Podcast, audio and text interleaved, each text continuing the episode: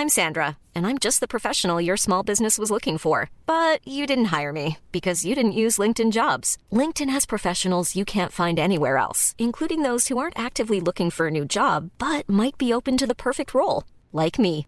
In a given month, over 70% of LinkedIn users don't visit other leading job sites. So if you're not looking on LinkedIn, you'll miss out on great candidates like Sandra. Start hiring professionals like a professional. Post your free job on linkedin.com/people today.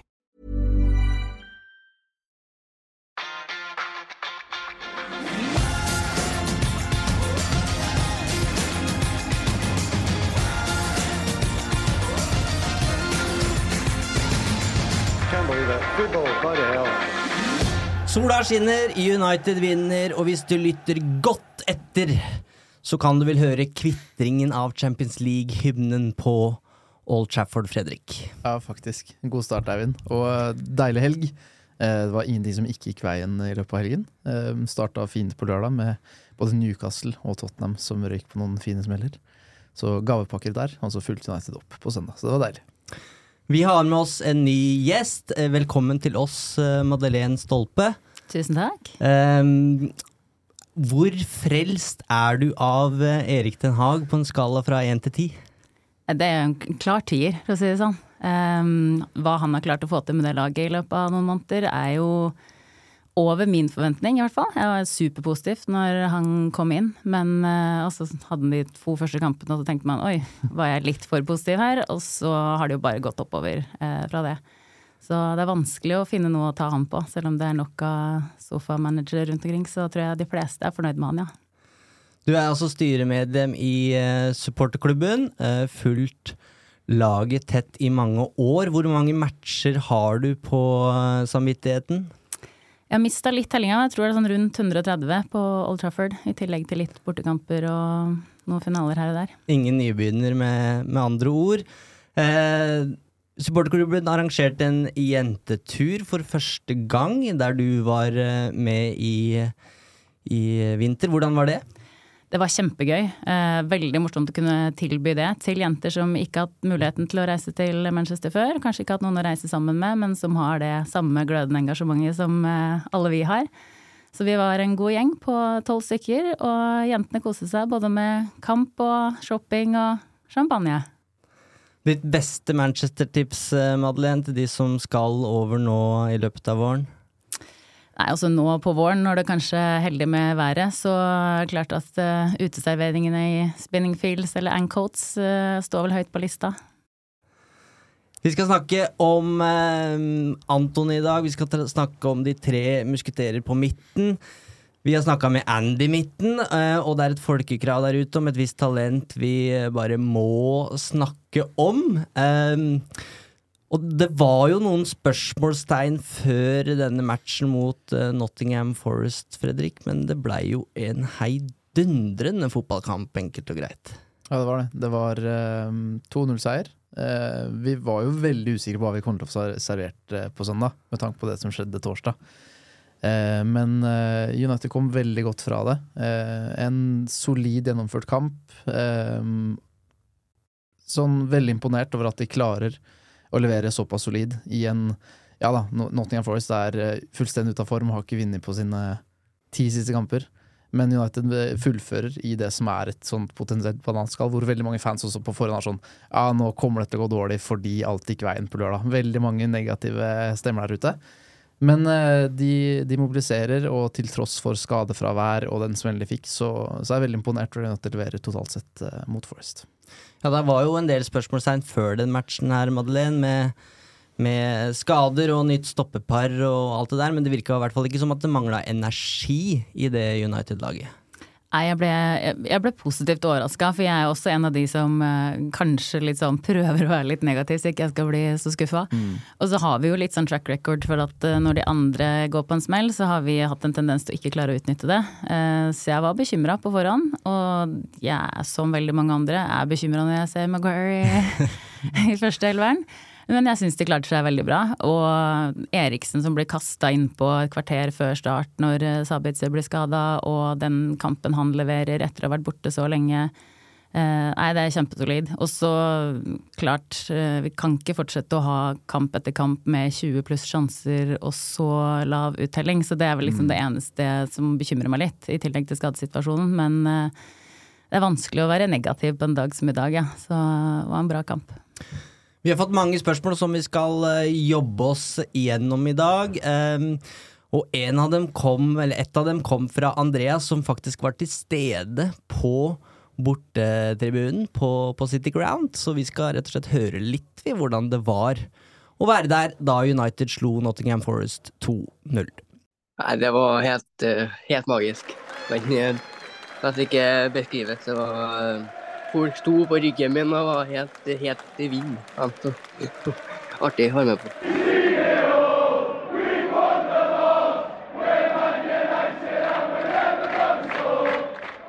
God stemning på eh, City Ground. Eh, Vi skal begynne litt med brasilianeren som spilte hovedrollen i eh, denne 2-0-seieren. Vi har snakka om det lenge her i podkasten. Fredrik, at eh, nå må det løsne snart, og det gjorde det. Eh, Hans beste kamp til nå, spør Alf Inge. Jeg tror ikke det var Haaland, men eh, Alf Inge lurer i hvert fall på om det var Antonys beste kamp, og du var jo der på, eh, på debuten mot eh, Arsenal. Klarer du å sammenligne de to matchene? Ja, mot Arsenal så i debuten så føler jeg liksom at han Han fikk skåringa si og viste på en måte at han har en del ferdigheter som kan komme godt med i løpet av sesongen. Men ikke noe sånn veldig overveldende start, bortsett fra skåringen. Eh, men eh, enig, tror jeg, i at kampen i går er det beste vi har sett han i United, tror jeg. Og jeg syns at han da fortsetter den gode trenden, for jeg syns også at han var veldig påskrudd og god tidvis mot Sevilla. Eh, fort gjort å glemme etter alt det som skjedde i den kampen der. Men jeg syns at han da har levert to strålende kamper på rad.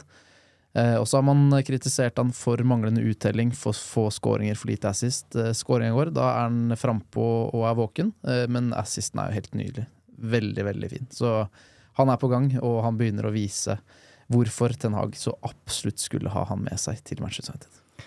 Erik spør om det er, finnes en spiller som har en lik evne til å få fram alle følelser man kan kjenne på, som det Antony gjør. Han kaller brasilianeren for irriterende god.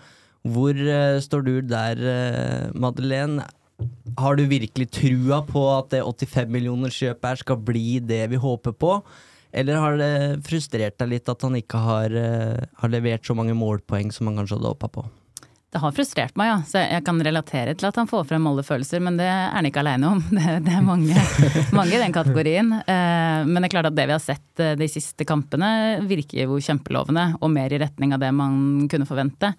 Og så noe av det som gleder meg mest, er at det passer så bra timingmessig. Fordi det er jo på venstresida vi har eh, vært gode, syns jeg. Eh, Luke Shaw er etter min mening en av de beste angrepsvåpnene vi har. Og med han borte så har det blitt enda viktigere å få den høyresida til å funke, og det kom liksom akkurat som bestilt. Så mm, fortsetter den trenden her, så er den verdt penga sine, ja. Definitivt. Mm. Erik Den Haag nevnte Arjen Robben eh, på pressekonferansen etter, etter matchen, men gjør det jo tydelig klart at han forventer mer av brasilianeren. Altså at Antony må fortsette å levere her. Og jeg syns det er fint at det stilles krav. Eh, Han skal ikke slå seg til ro med det han presterer ennå, fordi det er fortsatt forbedringspotensial. Ingen tvil om det. Men han eh, fortsetter å utvikle seg, og det er progresjon. Det er framskritt fra det vi har sett tidligere, og han har blitt heftig kritisert. Sikkert primært pga. prislappen, den, den er det umulig å på en måte leve opp til. Men også fordi at prestasjonene totalt sett ikke har vært gode nok i mine øyne. Men nå begynner den å virkelig bevise, og som du er inne på, venstresiden er den som har levert best hittil. Og det, det var sånn at ok, Rashford og Shaw ut med skade samtidig, det er ganske kritisk. Nå må den høyresiden steppe opp. Så med ekstra press på skuldrene sine i tillegg, så presterer han. Og det er jo også, viser jo en mental styrke og karakter, da, som jeg tror også var mye av grunnen til at Ten Hag var så opptatt av å få med seg den karakteren han har. Så får vi se hva de gjør med to nye målpoeng. Eh, hva de gjør med selvtilliten til Antony. Det mangler jo ikke på det. Eh, men han virker i hvert fall å være i, i gang. Eh, det er definitivt også eh, trioen på midten som vi fikk se igjen mot eh, Nottingham Forest. Eh, Sabitzer måtte rett og slett kaste inn håndkleet, Fredrik. Det var dårlige nyheter på tampen rett før kampstart her. Men sånn som kampen ble, da. Det jeg så for meg, var en type kamp som bare var fram og tilbake, høyt tempo, litt ukontrollert. Sånn sett så er det selvfølgelig ikke en god nyhet at Sabitzer forsvinner ut av skade og føyer seg inn rekken av alle de på den skadelista, men en liten sånn blessing in disguise at Christian Eriksen kommer inn med den roen, med den evnen til å på en måte vite når man skal gå for angrep og når man skal roe det hele ned. Der er jo dansken helt enorm. Og den kvaliteten, eh, og det er heller ikke den rollen Sabitzer trolig skulle inn i. Sabitzer hadde sikkert fortsatt som tier med Bruno dyp. Bruno er ikke like god på den risikovurderinga. Når skal vi kjøre, når skal vi bremse? Eh, og der var Eriksen helt enorm, så kanskje rett og slett veldig avgjørende for hans del at det var Eriksen som kom inn sånn. Så ikke bra at Sabitzer er på skadelista, håper han er frisk igjen fort, men eh, en veldig veldig bra match av Eriksen, og imponerende at han leverer det nivået der så kort tid etter å ha vært ute med skade lenge. Hvor viktig er den danske magikeren på en skala fra én til ti, lurer Henrik Andreas på uh, Madeleine. Han er viktig, eh, og jeg mener at han kommer gratis, liksom. Eh, det overgangsvinduet vi hadde i sommer var jo egentlig helt utrolig. Og jeg syns alle har levert bra eh, av de som kom inn, men eh, så klart, det, er vanskelig å ikke ha en softspot for Eriksen med den historikken han har, men han er jo en spiller man har ønska seg siden glansdagen i Tottenham, og, og, han er viktig for det laget, og det så vi i går, liksom. Og det å klare å komme inn på den måten og levere sånn, Eh, når man får sjansen. Det har vi jo sett eksempler på at ikke alle klarer. Eh, og han tar så smarte valg og Nei, jeg føler meg trygg når han er på banen, og det er deilig, for den følelsen kjenner jeg ikke på hver gang, for å si det sånn. Nei, og, og, den tryggheten har vi jo ikke hatt heller siden det var Keane og Scholes på, på, midten der, og etter hvert også Michael Carrick. Og vi har jo brukt ti år nå på å leite fra Morgan Schneiderlin til Bastian Schweinsteiger og Paul Pogba. Og så i ett og samme vindu så, så kommer løsningen i form av Christian Eriksen og Casemiro. Så er det kanskje ikke framtida, det er jo to eh, fotballspillere som, som, er i, i 30-åra, men per nå så er det ikke mye snakk om eh, Kino Scholes. Det er ikke det. Og tenk at de har klart å måte, gjøre savnet etter de minimalt. Som du sier, Eivind, det er ti år på en måte med let og famling i blinde etter den løsningen på det mye omtalte midtbaneproblemet. Og nå, jeg skal så strekke hendene i været og innrømme at jeg, jeg, har vært litt kritisk til Eriksen. For jeg liker veldig mye av det han har prestert, men jeg har også tenkt at han flytter beina litt for sakte, er litt for svak i duellene, leverer ikke nok målpoeng, men er genial når han først gjør det. Men snakk om på en måte få eh, svar på tiltale når han da forsvinner ut med skade, og savnet er der umiddelbart, og han kommer til å levere dette. Så hvem har jeg til å sitte hjemme i sofakroken og mene noe negativt om denne geniale dansen Jeg er veldig glad i den hadde blitt en kjedelig podkast hvis jeg ikke kunne mene noe som helst her. Ja, Men det er klart, jeg føler at alle har vært sånn helt frelst og vært veldig overbevist av det han har levert, og jeg har ikke vært helt med på den hele veien. Ser jo selvfølgelig bidragene hans, men jeg har ikke vært så Men eh, nå har jeg på en måte fått beskjed om at sitt stille, Fredrik, for han, han, leverer det han skal. Det hadde blitt kjedelig hvis vi var enige hele tida også. Ja. Eh, og så mener jeg det er et kjempekompliment da, til Erik Den Haag at Christian Eriksen kan komme inn i startelveren eh, fem minutter før avspark bare gli rett inn i systemet mm. som om han ikke hadde vært ute i, i tre måneder. Mm. Uh, han sier det jo sjøl òg. Uh, for meg er det kjempeenkelt å gå inn på midten her. Uh, inn i det samme systemet. Jeg finner mm. masse rom. Null problem. Mm. Ja, det er sånn det skal være. Han bygger lag og ikke en elver. Så.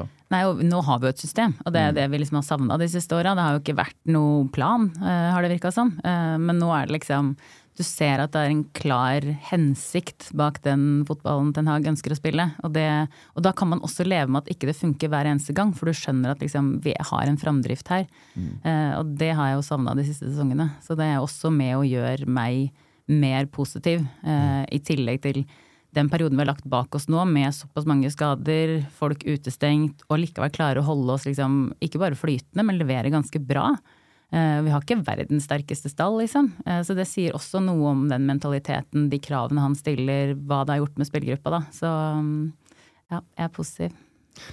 En annen som fant eh, mye rom på City Ground, det var Bruno Fernandes. Mm. Eh, tilbake i, i tieren. Eh, skapte seks sjanser, hadde tre skudd, men går utrolig nok av banen, da, uten målpoeng. Mm og måtte rett og slett ta en prat med Keylor Navas eh, etter matchen og spørre hvorfor eh, redda du bare mine skudd. Um, Gary Neville eh, har jo pirka litt på Fernandes eh, etter det tapet på Anfield, eh, og gjentok i går at han liker ikke kroppsspråket til portugiseren, og sa også 'jeg har ikke snakka med en eneste United-fan som ikke reagerer negativt på kroppsspråket hans'. Har Neville snakka med dere? Ja, vi snakker daglig. Nei, han har ikke det. Men uh det som irriterer meg, holdt jeg på å si Jeg har vel vært en av de som eh, Sånn som Fredrik er i forhold til Eriksen, så har jeg vært litt skeptisk til Bruno. Syns han leverte ekstremt bra når han kom inn i første sesongen sin. Og så syns jeg han tar noen rare valg. Eh, han skyter når han bør sentre, og han sentrer når han bør skyte. Og det er tvers over pasninger som har en tendens til å havne der de ikke skal havne. Og, så jeg har vært mer oppgitt av det enn over kroppsspråket hans. Jeg syns egentlig ikke Jeg har ikke noe å utsette på innsatsen. og og det han bidrar med som i kapteinsrollen. Og, så akkurat der er jeg ikke helt enig med Gary, men uh, kan ikke være enig med han om alt. Nei, og det er eh, med Bruno må du bare på en måte tåle den pakka han har, ellers så kan man ikke, kan man ikke like den. Og han, eh, med de tallene han leverer, så er det nødt til også å være mye feilpasninger og skudd som går på øverste rad. Og ja, At han ikke får med seg noe i går, er helt utrolig, for der gjør han på en måte alt riktig. Der blir hindra en veldig veldig god keeper. Men uh, selvfølgelig, uh, hvis United ikke får det resultatet de ønsker seg eller fortjener, så er det veldig lett å peke på Bruno og det dårlige kroppsspråket. Og når United vinner, så går de i glemmeboka. Sånn er det på en måte. Så enkel er den dynamikken der. Men det er noe med disse superstjernene med X-faktor som, som, på en måte har en annen type oppførsel eller atferd, som du bare må på en måte akseptere. Ikke, du skal ikke bare finne deg i alt, selvfølgelig.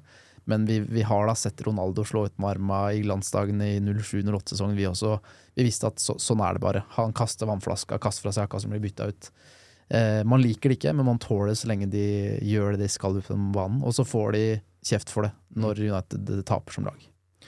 Det jeg stusser på i den Neville Fernandes-debatten, det er jo det Bruno anklages for. Altså det å stå i midtsirkelen og nærmest, eh, visstnok da, be om å bli bytta ut. Eh, Bruno Fernandes eh, sier at det er løgn. Eh, og i, i, min verden så er ikke Bruno Fernandes den som eh, Den som eh, stikker seg unna. Tvert imot så er jo den lidenskapen som han mm. bidrar med, det, det, er jo det han går foran med. Eh, som vi har snakka om her, han, han, han, er på en måte United-kapteinen, mens, mens Harry Maguire trøbler. Og det ja, det er, ikke sant? og med kapteinspinnet så, så, krever det også at du måtte ikke gå rundt og sprer den negative energien og har den, det type kroppsspråk, for det er, det er jo smittende når det er negativt, og det er smittende når det er positivt. Så, men jeg føler også at han virkelig tar seg i det og jobber med seg selv når han har det bind rundt armen, og så klarer han ikke å legge det helt fra seg, for sånn er han, og det er for innprenta i den personligheten hans. Men eh, Neville går på en måte jeg vet ikke om han konkluderte med at Fernandes ville bli bytta ut, eller om han på en måte spekulerte i det. For det er vanskelig å tolke de bildene der hvor han han sier vel selv, eller folk har spekulert i, at han bare Hva er det som skjer? Hvem skal spille? Hvor nå? Hva, hva er det som foregår der ute? Og at du er forbanna oppgitt og sliter med å styre følelsene dine på 07 Banfield, det forstår jeg svært godt. Jeg sleit med å styre følelsene mine på tribunen der også. Uh, I just love United. Det er nok av uh, skader i Manchester United om dagen. Elleve i tallet. Um, nå er altså Marcel Sabitzer og Tarell Malaysia der. Um, Lisandro Martinez ute resten av sesongen. Varan ute på ubestemt tid. Dermed så var det duket for første audition da, for uh, gode, gamle stopperparet til Solskjær, Harry Maguire og Victor Lindeløf. Eh, bestått eller ikke i din bok, eh, Madeleine? Bestått, eh, det vil jeg absolutt si. Og så syns jeg jo at Lindeløf klarte seg bedre enn Maguire. Jeg syns han passer bedre til den eh, spillestilen som Ten Hag eh, legger opp til. Eh, han er en mer spillende type. Jeg føler meg tryggere med han, særlig når vi skal spille oss ut bakfra, og han er mer offensivt anlagt. Men jeg syns de som par kom seg greit igjennom. Litt sånn Jeg ble bekymra når Maguire fikk kort etter to minutter. Tenkte hva skjer her? Men nei, bestått er det korte svaret. Ja. Jeg tror ikke vi gidder å ramse opp eh, den første omgangen til Maguire. Den er ganske skrekkelig, eh, men eh, løfter seg sammen med Lindeløv i, i andre omgang, og de holder jo, holder jo nullen der. Nå er det jo sånn at Maguire må, må stå over den semifinalematchen med karantene. Mm. Petter lurer på hvem som skal starte i bakre firer på, på Wembley, Fredrik. For nå, som Ten Hag sa, for for kort tid siden så hadde han ni friske forsvarsspillere, nå er tallet fire. Mm. Ehm, jeg sjekka litt opp med en fyr i går angående Malaysia, eh, som visstnok forhåpentlig er tilbake allerede til neste kamp. Og da er regnestykket for min del ganske enkelt. Da er det Wambisaka eller Dalot på ørebekken, og så er det Lindeløv, i min bok, eh, ved siden av Shaw. Og så Malaysia ute til venstre. Så er den løst på en ganske god måte, synes jeg. Og med McCarr ut, som du sa, så er det jo Lindeløv som går inn der. Så, og jeg syns, bare for å ta opp hansken etter det Madeleine sa, jeg syns det er mer enn godkjent det som leveres i år. Og jeg syns McCarr virkelig skal ha for å løfte seg etter den grusomme starten her. Jeg syns det vitner om en mental styrke som han på en måte har blitt angrepet på. da. Hvor, hvor sterk er han egentlig mentalt? Og når du kommer så skjevt ut fra startblokkene, og du avslutter kampen på den måten her, så syns jeg han fortjener et veldig klapp på skuldra. Jeg må, jeg må bidra til at United holder nullen.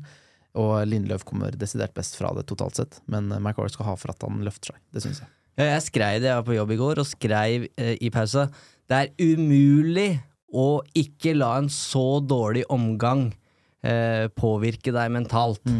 Den setningen strøyk jeg faktisk etter matchen, fordi han viste jo at jo, det er faktisk mulig å la den første omgangen ligge igjen i garderoben og komme ut igjen. Men det var jo eh, Det var så, eh, som du sa, Madeleine, gult kort der i den første duellen mot eh, store Avon, Avonji. Eh, så lurer du litt på hva er det som kan skje her, og min frykt var at her ligger det et rødt kort eller et straffespark i, i lufta. Mm, men da ble jeg så imponert over også, for det du er veldig spent på når Lindløv og McQuarrie skal starte, er jo tør de å stå like høyt som det Varane Martinez gjør, tør de å stå etter? Og svaret på det i går var jo ja. Så til tross for at De Gea ikke er den som ivrer mest etter å svipe bak, så står Lindløv og McQuarrie tøft etter og vinner ballen så at United kan eh, opprettholde presset sitt. Og det er ikke gøy det mot en rask, sterk spiss med gult kort, men det gjør McQuarrie. Og imponert over akkurat det. Nå er det altså Sevilla på eh, torsdag, eh, og så er det Brighton på Wembley, og så er det Tottenham i Premier League. Det er to ganske, tre ganske avgjørende matcher i tre forskjellige turneringer. Eh, la oss begynne med topp fire. Hva sier magefølelsen der nå, lurer Anders på Madeleine? Jeg tror fremdeles at vi klarer det. Eh, Jeg, trygg, jeg var tryggere for et par måneder siden enn det er nå, det skal jeg innrømme. Men eh, de gjør feil, de bak også. Eh, Så jeg føler meg trygg på Jeg føler meg ikke like trygg på tredjeplassen, men jeg føler meg trygg på topp fire. Jeg gjør det. Vanskelig å være uenig, spesielt etter den helgen vi hadde nå, hvor Newcastle også snubla. Eh, Tottenham forventa var klink tre poeng, og at de da snubler hjemme mot Bournemouth og er på en måte med en uh, trenerløsning som er midlertidig og sånne ting, det ulmer ganske bra der. Så jeg, jeg føler meg i hvert fall vesentlig tryggere nå enn før helgen, eh, fordi resultatene gikk Uniteds vei. Og så er jeg litt sånn, jeg liker å være litt pessimistisk, så at ikke skuffelsen blir så stor om det ryker. Men det ser jo lyst ut nå, vi må innrømme det. Ja, det er jo altså um, United skal jo da møte Tottenham og har seks poeng eh, forsprang og én kamp til gode. Og så har jo Tottenham matcher eh, mot Newcastle og United og Liverpool eh, på rad i Premier League, så der kan det jo bli en luke. Mens vi også har Brighton som lusker bak med enda flere kamper til gode, da, så, så vi får vente litt med å innkassere, men det ser unektelig bra ut. Eh, står jo nå med 59 poeng, eh, med åtte kamper igjen å spille. Endte på 58 i fjor. Allerede forbi. Det er Mm, sterkt. Mm, Og jeg forbi. hører mange som prøver å diskreditere Den Haag for den jobben han har gjort hittil, men de kan prøve på nytt en annen dag. Nå syns jeg vi skal ringe Andy Midden, som har vært innom podkasten her en gang før, eh, og snakke litt om hvordan eh, oppkjøpssituasjonen i Manchester United kan påvirke sommerens overgangsvindu, og snakke litt om eh, det kommende returoppgjøret mot Sevilla. Hi Andy, it's lovely to uh, to speak to you. How is it to be a red in Manchester with Eric Ten Hag as the man in charge at Old Trafford? I think it's very good. I think he's had a good season. I said at the start of this season, a trophy and a top four finish would mean success for Ten Hag. A trophy was won by February, and I think top four's looking good, especially after this weekend. Another away win at one of the bottom eight clubs. United have won every game away against teams in the bottom eight. The problem is away from home against the better teams. But almost more important than that was that Tottenham lost at home to Bournemouth. I found myself turning into a big Bournemouth fan on Saturday watching that game. And Newcastle United also lost against a, a fast improving Aston Villa side under an excellent manager in in Unai Emery. So I'm feeling pretty good about Manchester United as you speak to me. I'm looking forward to a trip to Seville this week, and we'll speak about that a bit later. But that's a huge game too. It's lovely to to have you on the the pod. You will be on from from uh, from time to time. Uh, we get loads of questions on on the transfer activity, and um, we're still waiting for the result of the ownership situation. And we know that Ten Hag wants wants to strengthen his team. Um, but do you think the bidding war may impact the club's activity in the summer market in a, in a negative way, given that they, at this point, doesn't even know who's who's going to own the club when we when we get to uh, to July?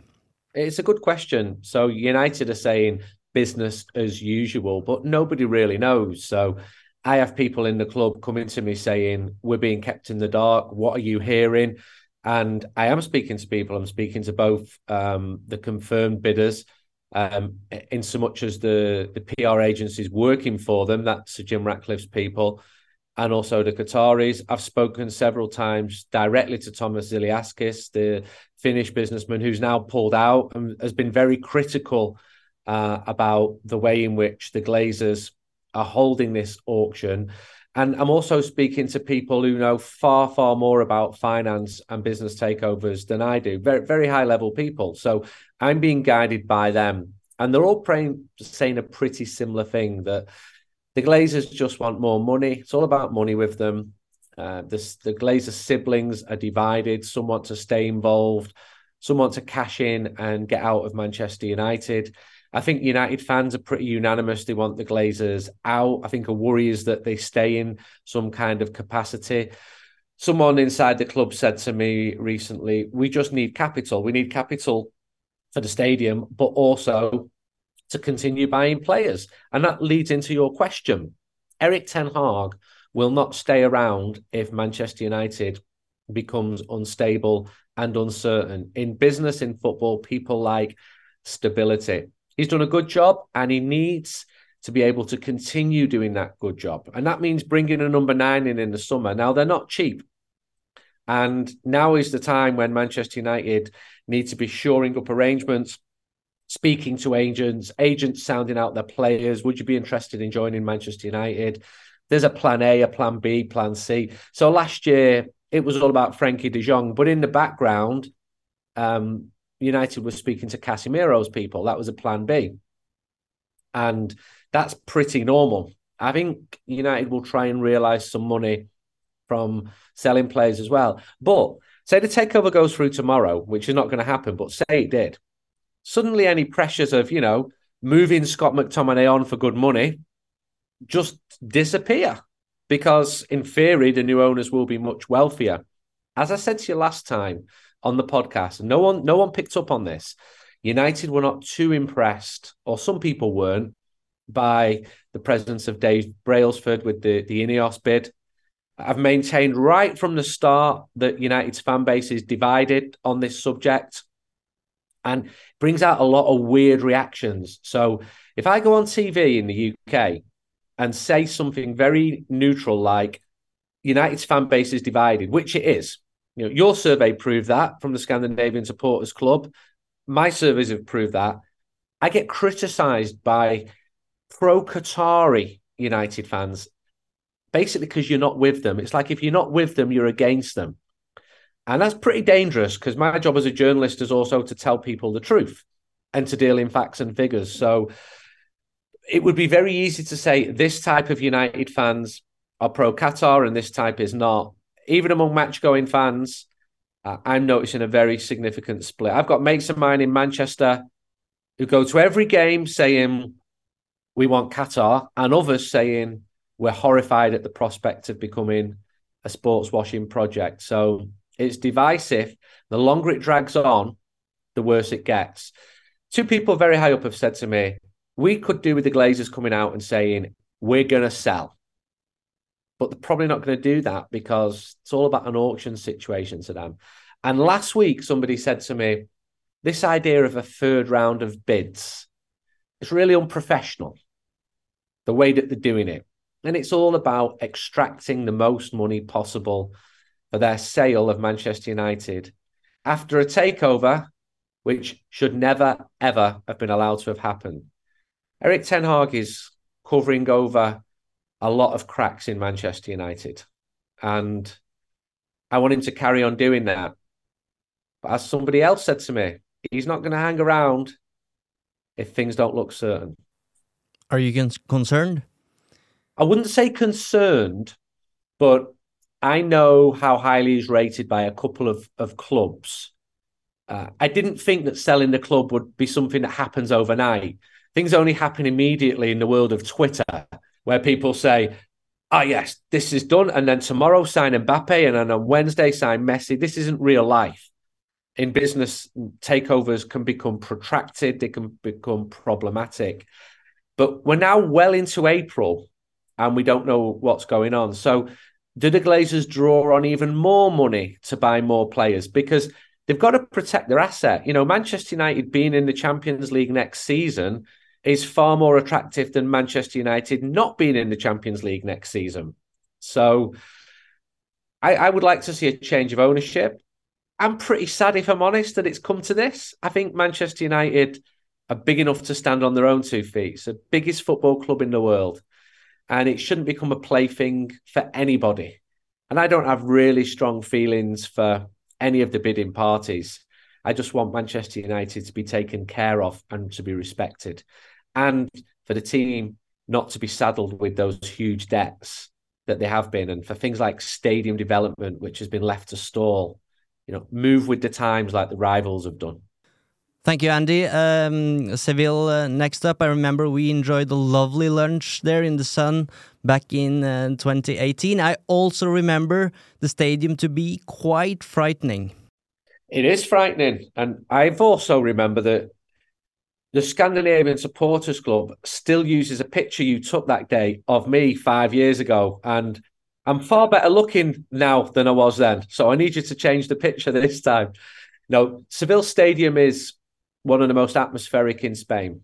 If United would have been going there 2 0 up, it wouldn't have even sold out. They had 26,000 in a recent Europa League game, and that's in a 44,000 capacity stadium. It's going to be a sellout this week, I'm told. United tickets have sold out. Fans are paying far less than the last visit, which is good that UEFA have, have done that. Sevilla are up to 12 now. They're improving under the new manager. I spoke to the new manager after the game at Old Trafford the other day. I really like him, actually. No nonsense. But I still think United are favourites. It's going to be difficult, going to be very difficult going to Seville and needing to beat them for the first time in Manchester United's history. They had a very, very good win against Valencia on Sunday. And that was a real six pointer. Seville were not out of the relegation battle. They probably are now after that win. And just before the game at Old Trafford, uh, somebody said to me, find out why Seville have played this team because they made a huge number of changes and it really surprised Manchester United. United were expecting a much stronger team to play at Old Trafford. Seville brought stronger players off the bench. They had luck in the second half, luck especially towards the end. And it's going to be a really, really tough game. I still fancy Manchester United. What a shame it would be to knock Barcelona out, league leaders in Spain, to knock Real Betis out, Seville's cross city rivals and fifth in Spain, only to go out against Sevilla, having led 2 0, and the worst Sevilla team in 20 odd years. But poof, it's a huge match, isn't it? Nah, I'm, I'm, uh, I think we've got to keep the faith, and I think the travelling Reds have really got to try and make sure the voices are heard in what is one of Spain's most atmospheric stadiums. I'm really looking forward to it, really, because it feels I'm nervous. And had United gone there 2 0 up, you'd be thinking, we're okay now. We're not okay now. Thank you so much for your insight, Andy, and I'll make, make sure to, to bring my camera the next time I'll see you. Top man. That's football heritage. United skal altså til eh, Sevilla uten Bruno Fernandes. Så får vi se om de klarer å rydde opp etter det de stelte i stand på Old Trafford. Mm. Um, så er det altså tur til Wembley, og dit skal også kvinnelaget, Fredrik. Ja, de tok seg til en historisk finale. Bare å gratulere. De slo Hjelp meg nå, hvem er det de slo i helgen? De vant i hvert fall. Det var Brighton, Brighton det. De vant jo mot Brighton 3-2 i en høydramatisk og nervepirrende kamp. Eh, starta dårlig, lå under 1-0 til pause, og måtte heve seg mange hakk om det skulle bli eh, finale, og det gjorde de. Skåra allerede sekunder ut i andre gang. Og så blei det 2-2 med sen avgjørelse fra en innbytter. Eh, så Rachel Williams i Ja. det 89. minutt. Riktig. Så det var, det var gøy å se, og jeg dekka jo den kampen for United var gøy å få med seg. Nå er jo da Chelsea i finalen 14. mai. Det er på en måte Uniteds kryptonitt. Aldri slått uh, Chelsea, så vi får se om det Det hadde vært en god anledning å gjøre det der. Um, men den kampen som kommer på onsdag, regnes nesten som enda viktigere. Uh, da er det Arsenal i, uh, i serien, og det er en avgjørende kamp med tanke på eh, topp tre. De kan jo fortsatt Altså United topper tabellen og kan vinne ligaen, men det er Chelsea som har tittelen i, i egne hender. Men det er gøy å følge, følge kvinnelaget nå, Madeleine. Det virker jo som dette er på, på rett vei med Mark Skinner ved, ved roret. Jeg er veldig imponert over den jobben han har gjort òg, og den utviklinga som har vært der. Så det er klart, det er litt sånn ekstra gøy for oss med litt eh, nordmenn i troppen, og at det også gjøres bra på den fronten, da.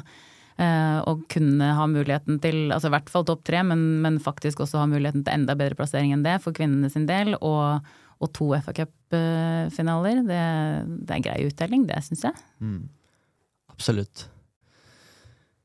Eh, vi har fått veldig mange spørsmål. Jeg vil rose engasjementet. Vi, har fått, eh, vi får veldig mange og veldig gode spørsmål til hver eneste episode. Vi fikk veldig gode og vanskelige quiz-spørsmål til, eh, til den påskeepisoden eh, vi har, hadde. Um, og ikke minst så ser vi at det er mange som lytter, og det er rørende, rett og slett, Fredrik, at, er, at vi har blitt en, en så stor del av United-hverdagen til, til mange allerede.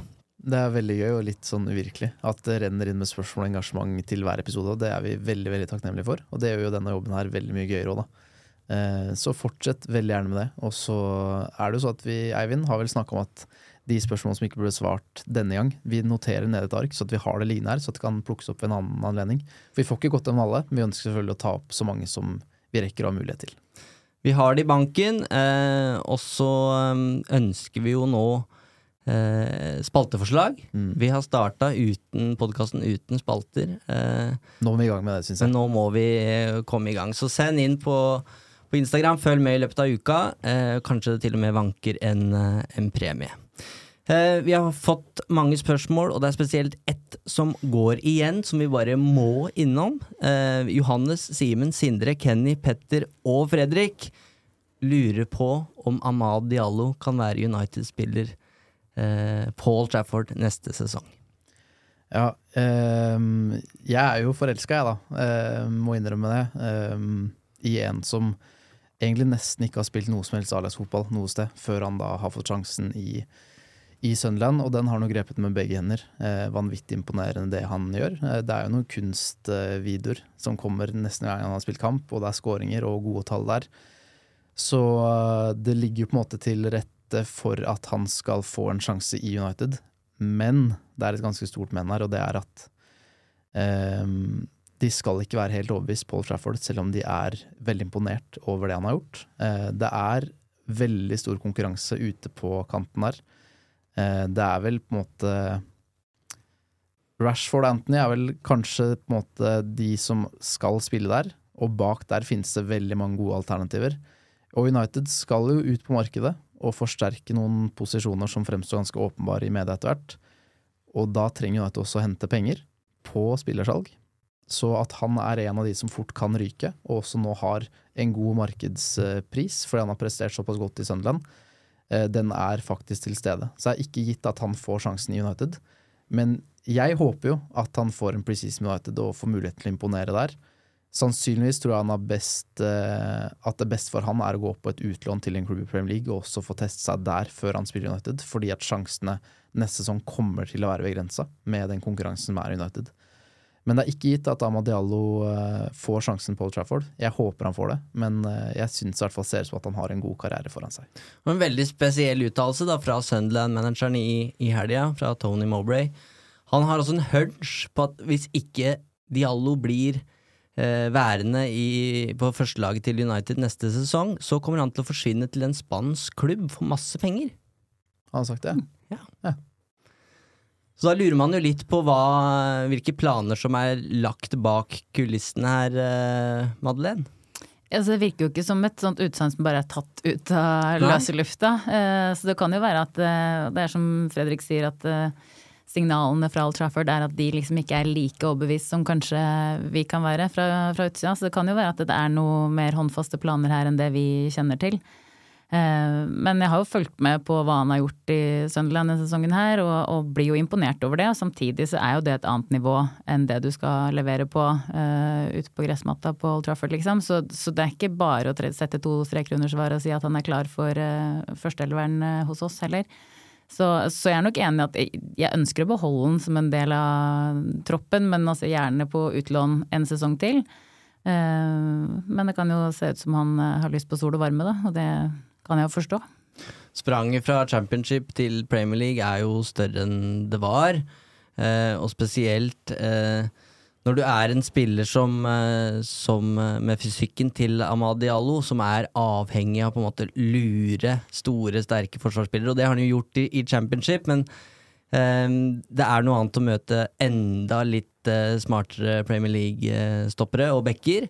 Eh, og United har jo hatt noen av de typene før, i eh, Angel Gomez, som var regna som et sånt generasjonstalent. Altså Han knuste jo rekord på rekord eh, når han gikk gjennom akademiet. Vi har hatt Shora, Shora, Shora T-Ray som, eh, som slo gjennom under Solskjær. Eller han slo vel ikke gjennom, men fikk sjansen. Men så forsvinner de litt fordi eh, de tar på en måte ikke de stega som man skulle håpe på. Eh, og med tanke på førstnevnte der, altså Angel Gomez, som nå gjør det bra i, i Frankrike, da, eh, så var det rett og slett hele veien sterke bekymringer i Manchester United til om han ville noen gang være skodd for Premier League, rett og slett. Mm. Og jeg, jeg skjønner skepsisen godt. Jeg, og det som er positivt med Diallo i Sunderland, er jo at det, du, det folk er mest skeptisk til, er om han takler nivået pga. fysikken hans. Og selv om, selvfølgelig, det er jo ikke det samme som Premier League, men det er en av de tøffeste ligaene du kan på en måte få skolert deg i og teste deg fysisk, er jo championship. Liker i hvert fall å tro.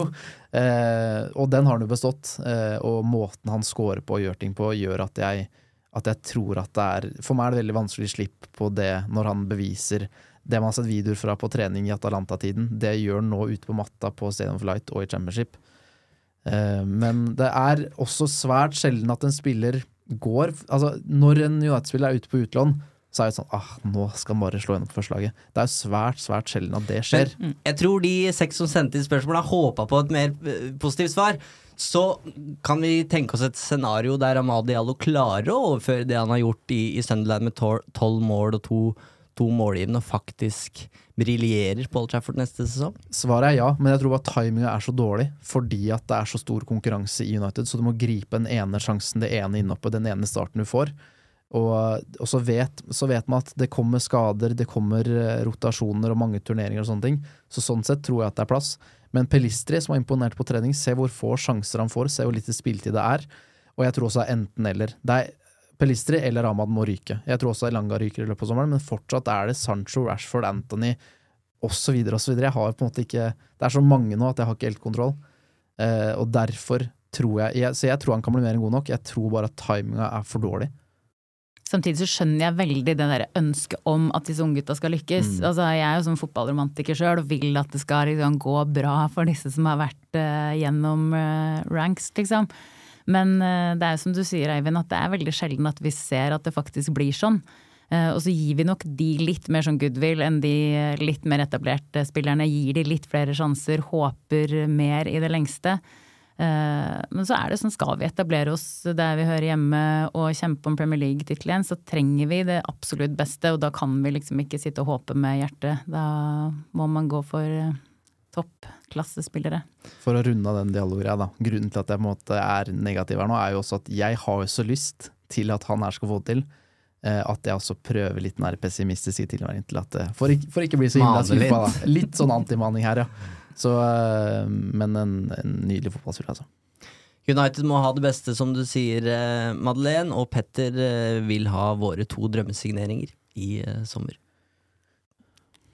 Kane er min nummer én. Eh, fordi han er så sikker. Eh, det er så mye Altså Det er alltid masse spekulasjoner i hvem som skal til United. Eh, og ofte har jeg ikke hørt om halvparten av de, for jeg ser ikke veldig mye annen fotball enn Premier League, skal jeg innrømme. Um, og det er selvfølgelig man har altså Bellingham, og det er mange man har eh, troa på. Men Kane veit jeg at leverer. Han har levert på det nivået der i Premier League i så mange år at han er min eh, absolutte nummer én.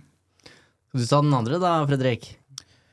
Jeg eh, trenger jo litt hjelp her, for jeg syns det er så kjedelig å bare svare Bellingham. Er det på en måte noen navn der ute, Eivind, som er litt mindre opplagt, men kanskje like spennende? For min del er det Rice eller Bellingham sånn i utgangspunktet, men, men kan dere hjelpe meg Er det flere navn i miksen her som vi kan hive inn, og som Vi kan jo bruke det som en bro til det neste spørsmålet, som handler om eh, Brighton. Eh, Moises Caicedo, Ja. er det et alternativ du ville tatt imot med åpne armer? Den der er eh, kinkig, fordi han var For min del spiller en rolle at han var tilgjengelig for eh, fem millioner pund eh, og var linka til United for eh, ikke så veldig lang tid tilbake. Så tror jeg mye av det var agentdrevet. Jeg vet at han ble pusha mot United, og så kanskje du vet noe mer, Eivind. Men, men jeg vet også at eh, det var snakk om Caicedo senest i sommervinduet som var. Eh, Visstnok før Casemiro ble signert. Eh, og innad i Brighton har jeg blitt fortalt, så har det også vært sånn se opp for Caicedo til United. Så det er, virker som en ganske sånn mulig løsning på Og Arsenal har prøvd å hente den, så han viser sin klasse i Premier League hver eneste helg, men er ikke mitt førstevalg til den prisen. Da mener jeg at det er på en måte tryggere og mer fornuftig å gå for Rice eller, eh, eller Bellingham. Men Caicedo ville også vært en meget god signering i min bok. Kanskje er det Alexis McAllister det snakkes litt om på ryktebørsen. Ehm, hva tenker dere om eh, verdensmesteren?